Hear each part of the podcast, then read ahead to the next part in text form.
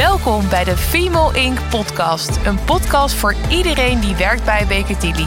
Waarin wij, Marissa Hut, Karen Welters en ikzelf, Nicole Kremer, jullie meenemen in alles wat ons vrouwen bezighoudt in relatie tot ons werkleven bij Baker Tilly.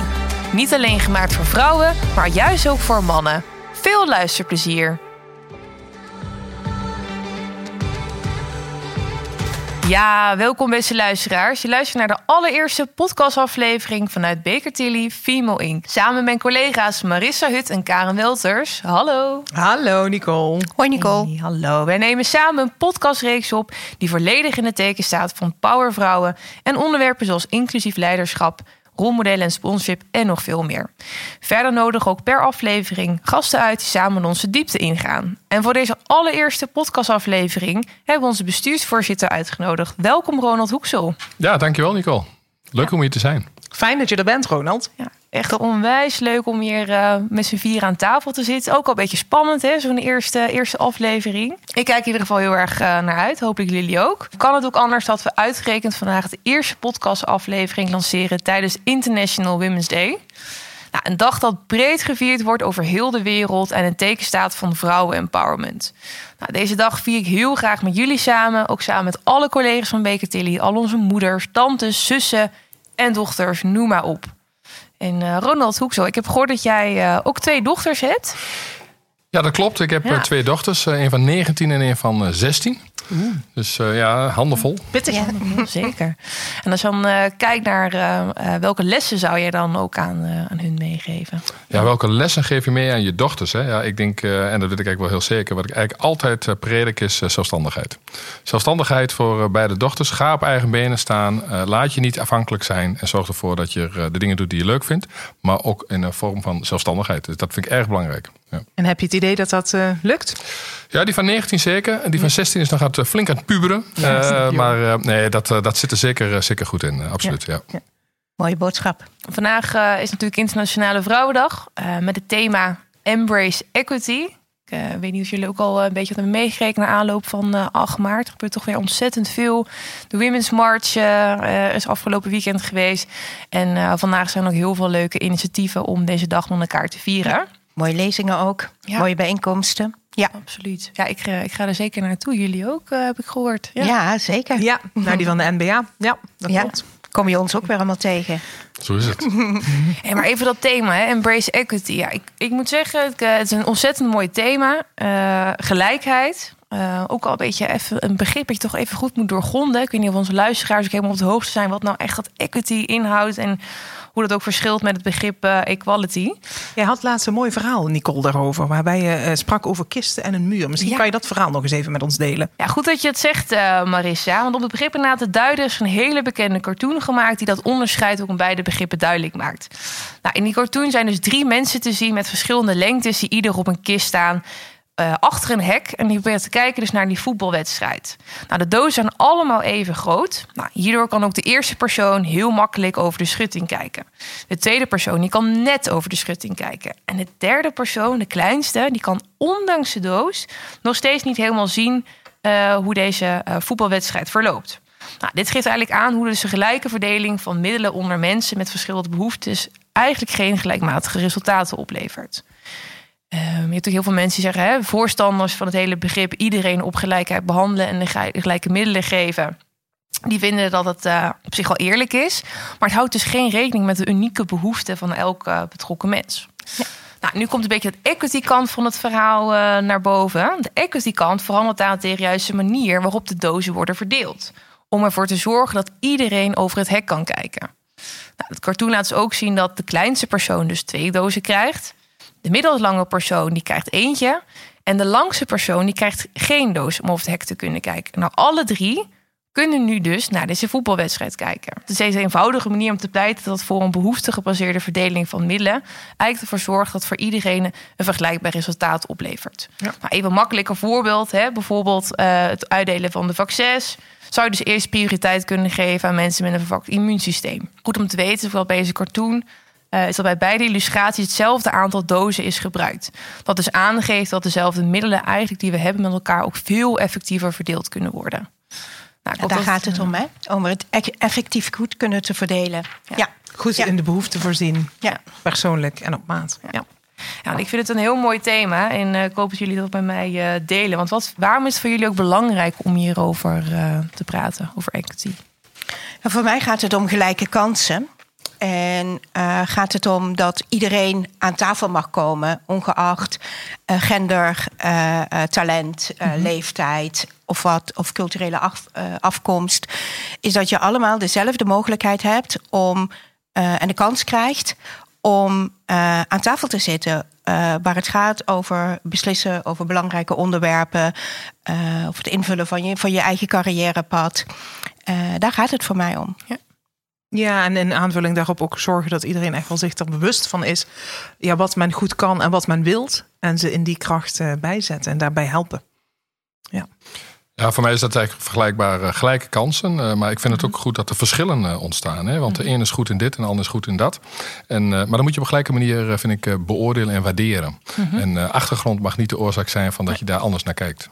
Eigenlijk vind ik dat wel een hele mooie. Ja. Wat jij zegt. Dat je juist waarde geeft ook aan het verschil. En daarmee creëer je wel een gelijke kans. Als je ze goed op waarde schat. Ja. Kijk, wel een hele mooie. Ja, zeker. Als je dan kijkt naar het feit hè, dat je dan eh, de ene persoon of doelgroep dus net even dat setje extra geeft dan de andere doelgroep, om uiteindelijk op hetzelfde punt uit te komen.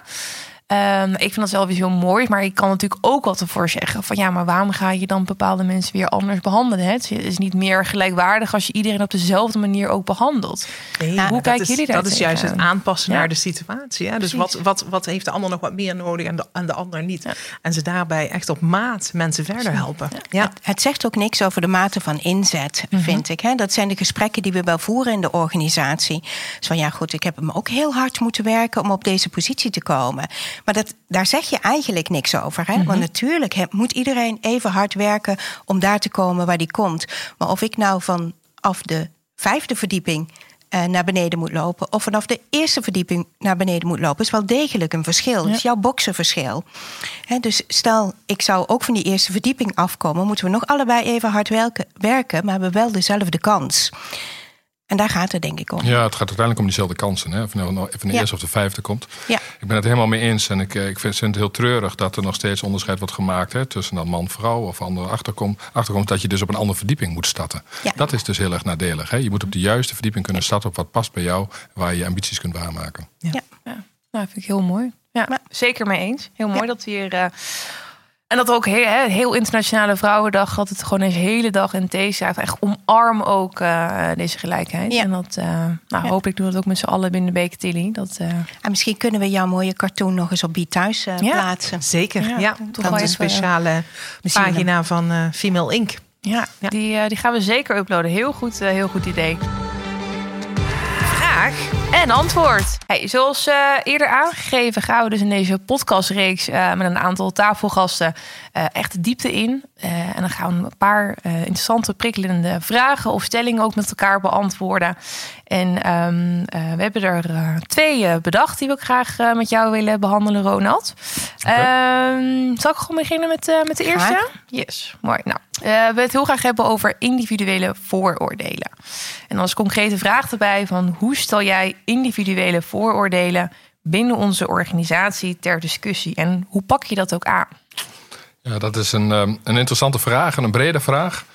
Ehm, kijk, binnen Baker Tilly hebben we jarenlang eh, zeg maar dit onderwerp eigenlijk niet behandeld. Hè? Ehm, en ik denk dat het heel goed is dat het niet alleen op de agenda staat, maar dat we het ook gaan doorleven met elkaar. Daar hebben we natuurlijk een stad eh, mee gemaakt hè, door eens te kijken van goh, wat voor vooroordelen heb je eigenlijk hè, in relatie tot eh, dit, dit onderwerp. En hoe ga je daarmee om en hoe herken je dat? Het interessante wat ik zelf vind, ik heb een aantal van die situaties mogen meemaken, is dat mensen vinden dat ze gelijkheid nastreven, maar soms opmerkingen plaatsen in wat voor gremia dan ook, waarvan mijn tenen helemaal krom gaan staan. En hoe kan dat nou dat mijn tenen krom staan en degene die het zegt niet? Dat is interessant. Want daarmee moet je dus het gesprek aan. Hè? Duidelijk het gesprek aan om, om na te gaan wat wordt hier bedoeld, waarom wordt dit bedoeld, in welke context wordt dit geplaatst. En op het moment dat je daar dan het gesprek over aangaat, zie je dan toch wel een beetje het licht vaak bij die ander in de ogen schijnen. Met andere woorden, het is niet altijd zo vooropgesteld dat iemand die wat zegt dan direct maar een groot vooroordeel Mhm. heeft. Soms is het ook gewoon onbekendheid. Hè? En als je dat gesprek over aangaat en, je, en, en niet één keer, maar stelselmatig, hè, want daar gaat het uiteindelijk om. Je moet een lerend effect gaan creëren in je eigen organisatie. Ja, dan kan dat eh, beter gaan. En bij deze persoon, ik uh, uiteraard zal hier geen namen noemen, Mhm. uh, is dat ook zeker gebeurd.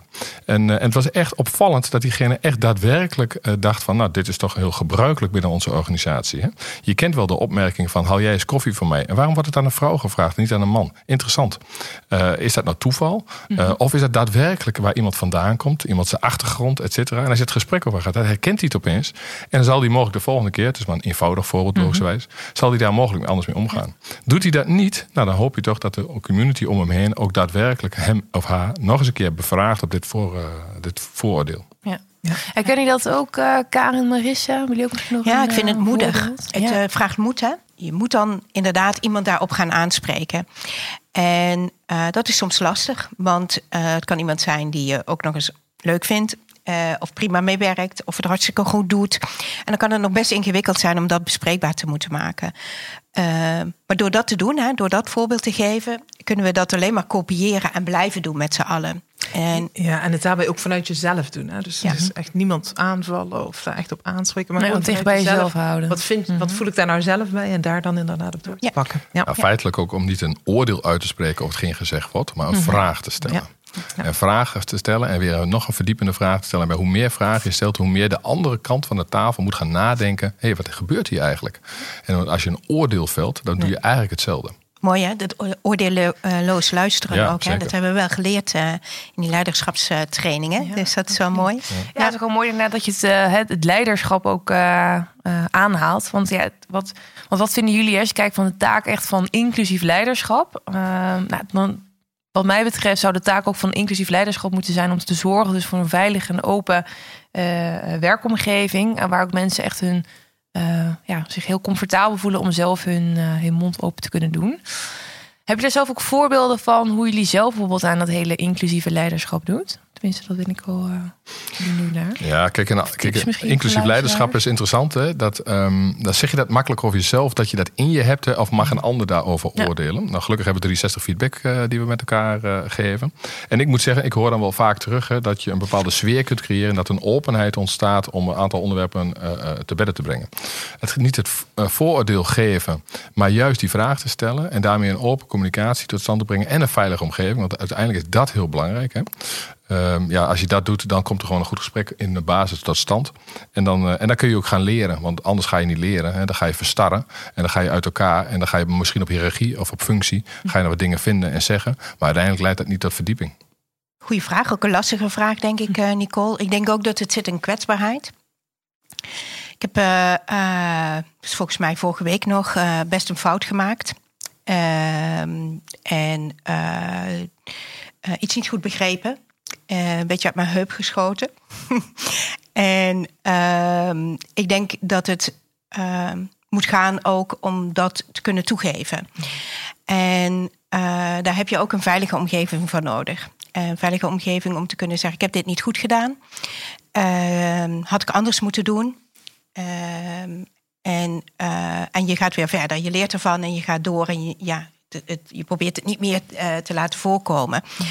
Ehm, maar daar moet het dus wel als basis eh, veilig voor zijn.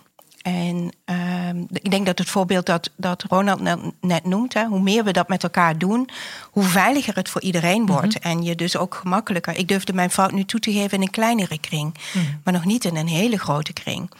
En ehm, nou, ik hoop dat ik dat ooit wel kan. Ja. ja. Ja, maar Ja. daar begint het wel hè, met die kleine kring. Want eh, laten we eerlijk zijn, Karen. Het is heel moedig door überhaupt al eh, toe te kennen dat je in jouw ogen zelf een fout eh, hebt gemaakt. Mm. Dat gebeurt niet veel. En hier zit ook wel mooi het verschil tussen man en vrouw. Hè. Dat, daarom pleit ik ook voor zoveel gelijkheid in, tussen man en vrouwen in de vergaderzaal, eh, eh, op je werkvloer, et cetera. Want geloof me, jij stelt eh, vast dat je mogelijk een foto gemaakt. Mhm. Dat doen niet veel mannen, is mijn ervaring. Maar op het moment dat dat wel gebeurt, dat jij dat zegt, voelt er mogelijk ook die man meer de openheid om daar ook iets over te zeggen. Want je- het is niet fout eh, eh, om iets fout te doen, toch? Nee, tuurlijk niet. Hé, daar leer je van, et cetera. zijn, ja. Precies, ja. Ja. Dus we gaan kijken naar eh, echt de change, het verandering teweeg brengen. Dan zou toch echt moeten gaan kijken ook naar onze huidige bedrijfsprocessen en het beleid. En daar ook echt zeg maar langs de loop van uh, diversiteit en inclusie uh, langs leggen. Um, ze kunnen bijvoorbeeld ook indicatoren op het gebied van diversiteit vastgelegd worden. Uh, vanuit de dijwerkgroep zijn we weer momenteel mee bezig. Um, ja, ik kan toch gewoon met z'n allen toch hopelijk wel vaststellen dat het een mooie ontwikkeling is. Ik ben wel benieuwd hoe, hoe jullie er echt ook tegenaan kijken dat we het vanuit deze kant benaderen. Ja, die dijwerkgroep is, uh, ik mag daar zelf ook zittingen nemen, is natuurlijk een fantastisch gremium. Um, soms kun je misschien zeggen, is het nodig? Ja, blijkbaar is het nodig. Hè? En dan kun je zeggen, ja, is dat dan spijtig, ja of nee? Uh, maar ik denk van niet. Ik denk dat er hele mooie ontwikkelingen plaatsvinden. Um, en dat het in onze organisatie een onderwerp is wat mm, helaas toch lange tijd niet bespreekbaar is geweest. En dat we daar nu de afgelopen jaren enorm gas op aan het geven zijn. En ik kan me herinneren dat ik bij mijn aantreden als bestuursvoorzitter al een oproep heb gedaan hè, voor diversiteit. toen we eigenlijk helemaal nog niet goed weten van wat er nou allemaal inhield, et cetera. Nou, daar zie je nu dat de kennis uh, fors toeneemt. Hè, en de dijwerkgroep zeg maar, daadwerkelijk tot hele mooie uh, uh, zeg maar, onderwerpen, maar ook vooral initiatieven komt. Um, ja, en ik denk dat het enorm goed voor onze organisatie is. En je ziet het ook werken, dus dat is, dat is mooi. Ja. Ik ben zelf ook wel heel blij dat we. waar begin je aan? Hè? Is altijd de vraag. Het zit het enerzijds heel erg in ons gedrag. wie we zijn, wie wij als organisatie zijn, wat we uitstralen met elkaar denk echt dat die workshops van uh, Esther Mollema voor ons ook gewoon zo ontzettend mooi zijn geweest. Om, uh, nou ook, het mag ook wel een beetje prikkelen, een beetje schuren af en toe, een beetje oncomfortabel voelen. Uh, maar vanuit die zachte kant zijn we net echt goed begonnen met het uh, onderwerp in te laden. En ik vind het ook gewoon heel mooi dat we nu ook zeker met het ondertekenen ook van het convenant diversiteit en inclusie voor de accountiekantoren, dat we onszelf ook echt publiekelijk committeren uh, aan het behoud van het divers talent en ook aan promotiekansen. En dat we nu ook echt van ondertekening naar actie overgaan. Want dat is echt het moment waar we nu zitten. Uh, dat, dat betekent dus meetbare doelen stellen, uh, deze ook nastreven, monitoren en ook er publiek transparant voor zullen zijn. Ja. Dit is, we hebben het er vaak over. Hè? Je uh, kunt een mooie KPI stellen, maar als je er geen consequenties aan verbindt, dan is er eigenlijk, uh, heb je er heel weinig aan. Mm -hmm. uh, ja. En wat je noemde net, dat wilde ik nog even op reageren, Nicole. Je noemde het terloops. Ik denk dat het heel belangrijk is, is uh, we hebben het ook gedeeld op LinkedIn, uh, uh, dat, dat wij dat convenant getekend hebben. Ehm, ik denk dat we dat ook moeten. Ehm, gelet op uh, de krappe arbeidsmarkt in deze sector. Mm -hmm. Jonge mensen aan ons willen blijven binden. Uh, we willen groeien. We willen een veilig thuis bieden voor, uh, voor onze, onze mensen. Dan ehm, denk ik dat, we, dat dit het begin is van de stappen die we moeten zetten. Ja, en het verplicht je tot iets. Hè? Ja. Kijk, je bent intrinsiek gemotiveerd. Tenminste, ik ben dat zeker. Jullie uh, veronderstel ik ook. Um, Absoluut. Uh, maar je wil, je wil ook aan de buitenwacht aangeven... van die intrinsieke motivatie gaat ook leiden uiteindelijk... tot gewoon concrete doelen. En het ja. bereiken van die doelen. Ja. En um, ik heb toen Mollema, uh, kan ik me herinneren... toen mm -hmm. zij in de pitch kwam voor, voor, voor ons om dit te gaan doen... heb ik eens gevraagd van hoe kijk jij nou eens aan tegen KPI's? Hebben we die nou echt nodig? Hè? En ik moet eerlijk zeggen dat zij helemaal niet zo warm voorstander was van KPI's. Mm -hmm. um, en zei van ja, dat zou je eigenlijk niet nodig moeten hebben. Je moet intrinsiek gemotiveerd zijn om vervolgens dan de stappen te kunnen maken. Um, en ik heb daar iets tegen aangezet. Ik zeg, nou, ik denk dat we de komende aantal jaren KPI's nodig hebben. En als dan in depth uh, wordt bedreven, zeg maar, wat wij graag zouden willen, dan zou je wel eens misschien kunnen af kunnen stappen van die KPI's. Uh, de eerste KPI's die we vonden was ook de toon de top. Uh, hebben we daar de, hoe, hoe, is daar de man-vrouw verdeling? Um, kunnen we daar aan werken? Um, en overal waar je directe invloed op uit kunt oefenen, hè, moet, je, moet je doen. Kijk, wij zitten voor een veel bredere discussie om vanuit de jonge mensen zeg maar, de opleiding zodanig te hebben dat we ook mannen en vrouwen gelijke kansen krijgen, gelijk kunnen doorgaan in ons bedrijf. Waardoor we hopelijk in een aantal jaar gewoon nog veel betere verdeling in de top hebben. Maar waar we konden ingrijpen, hebben we gedaan.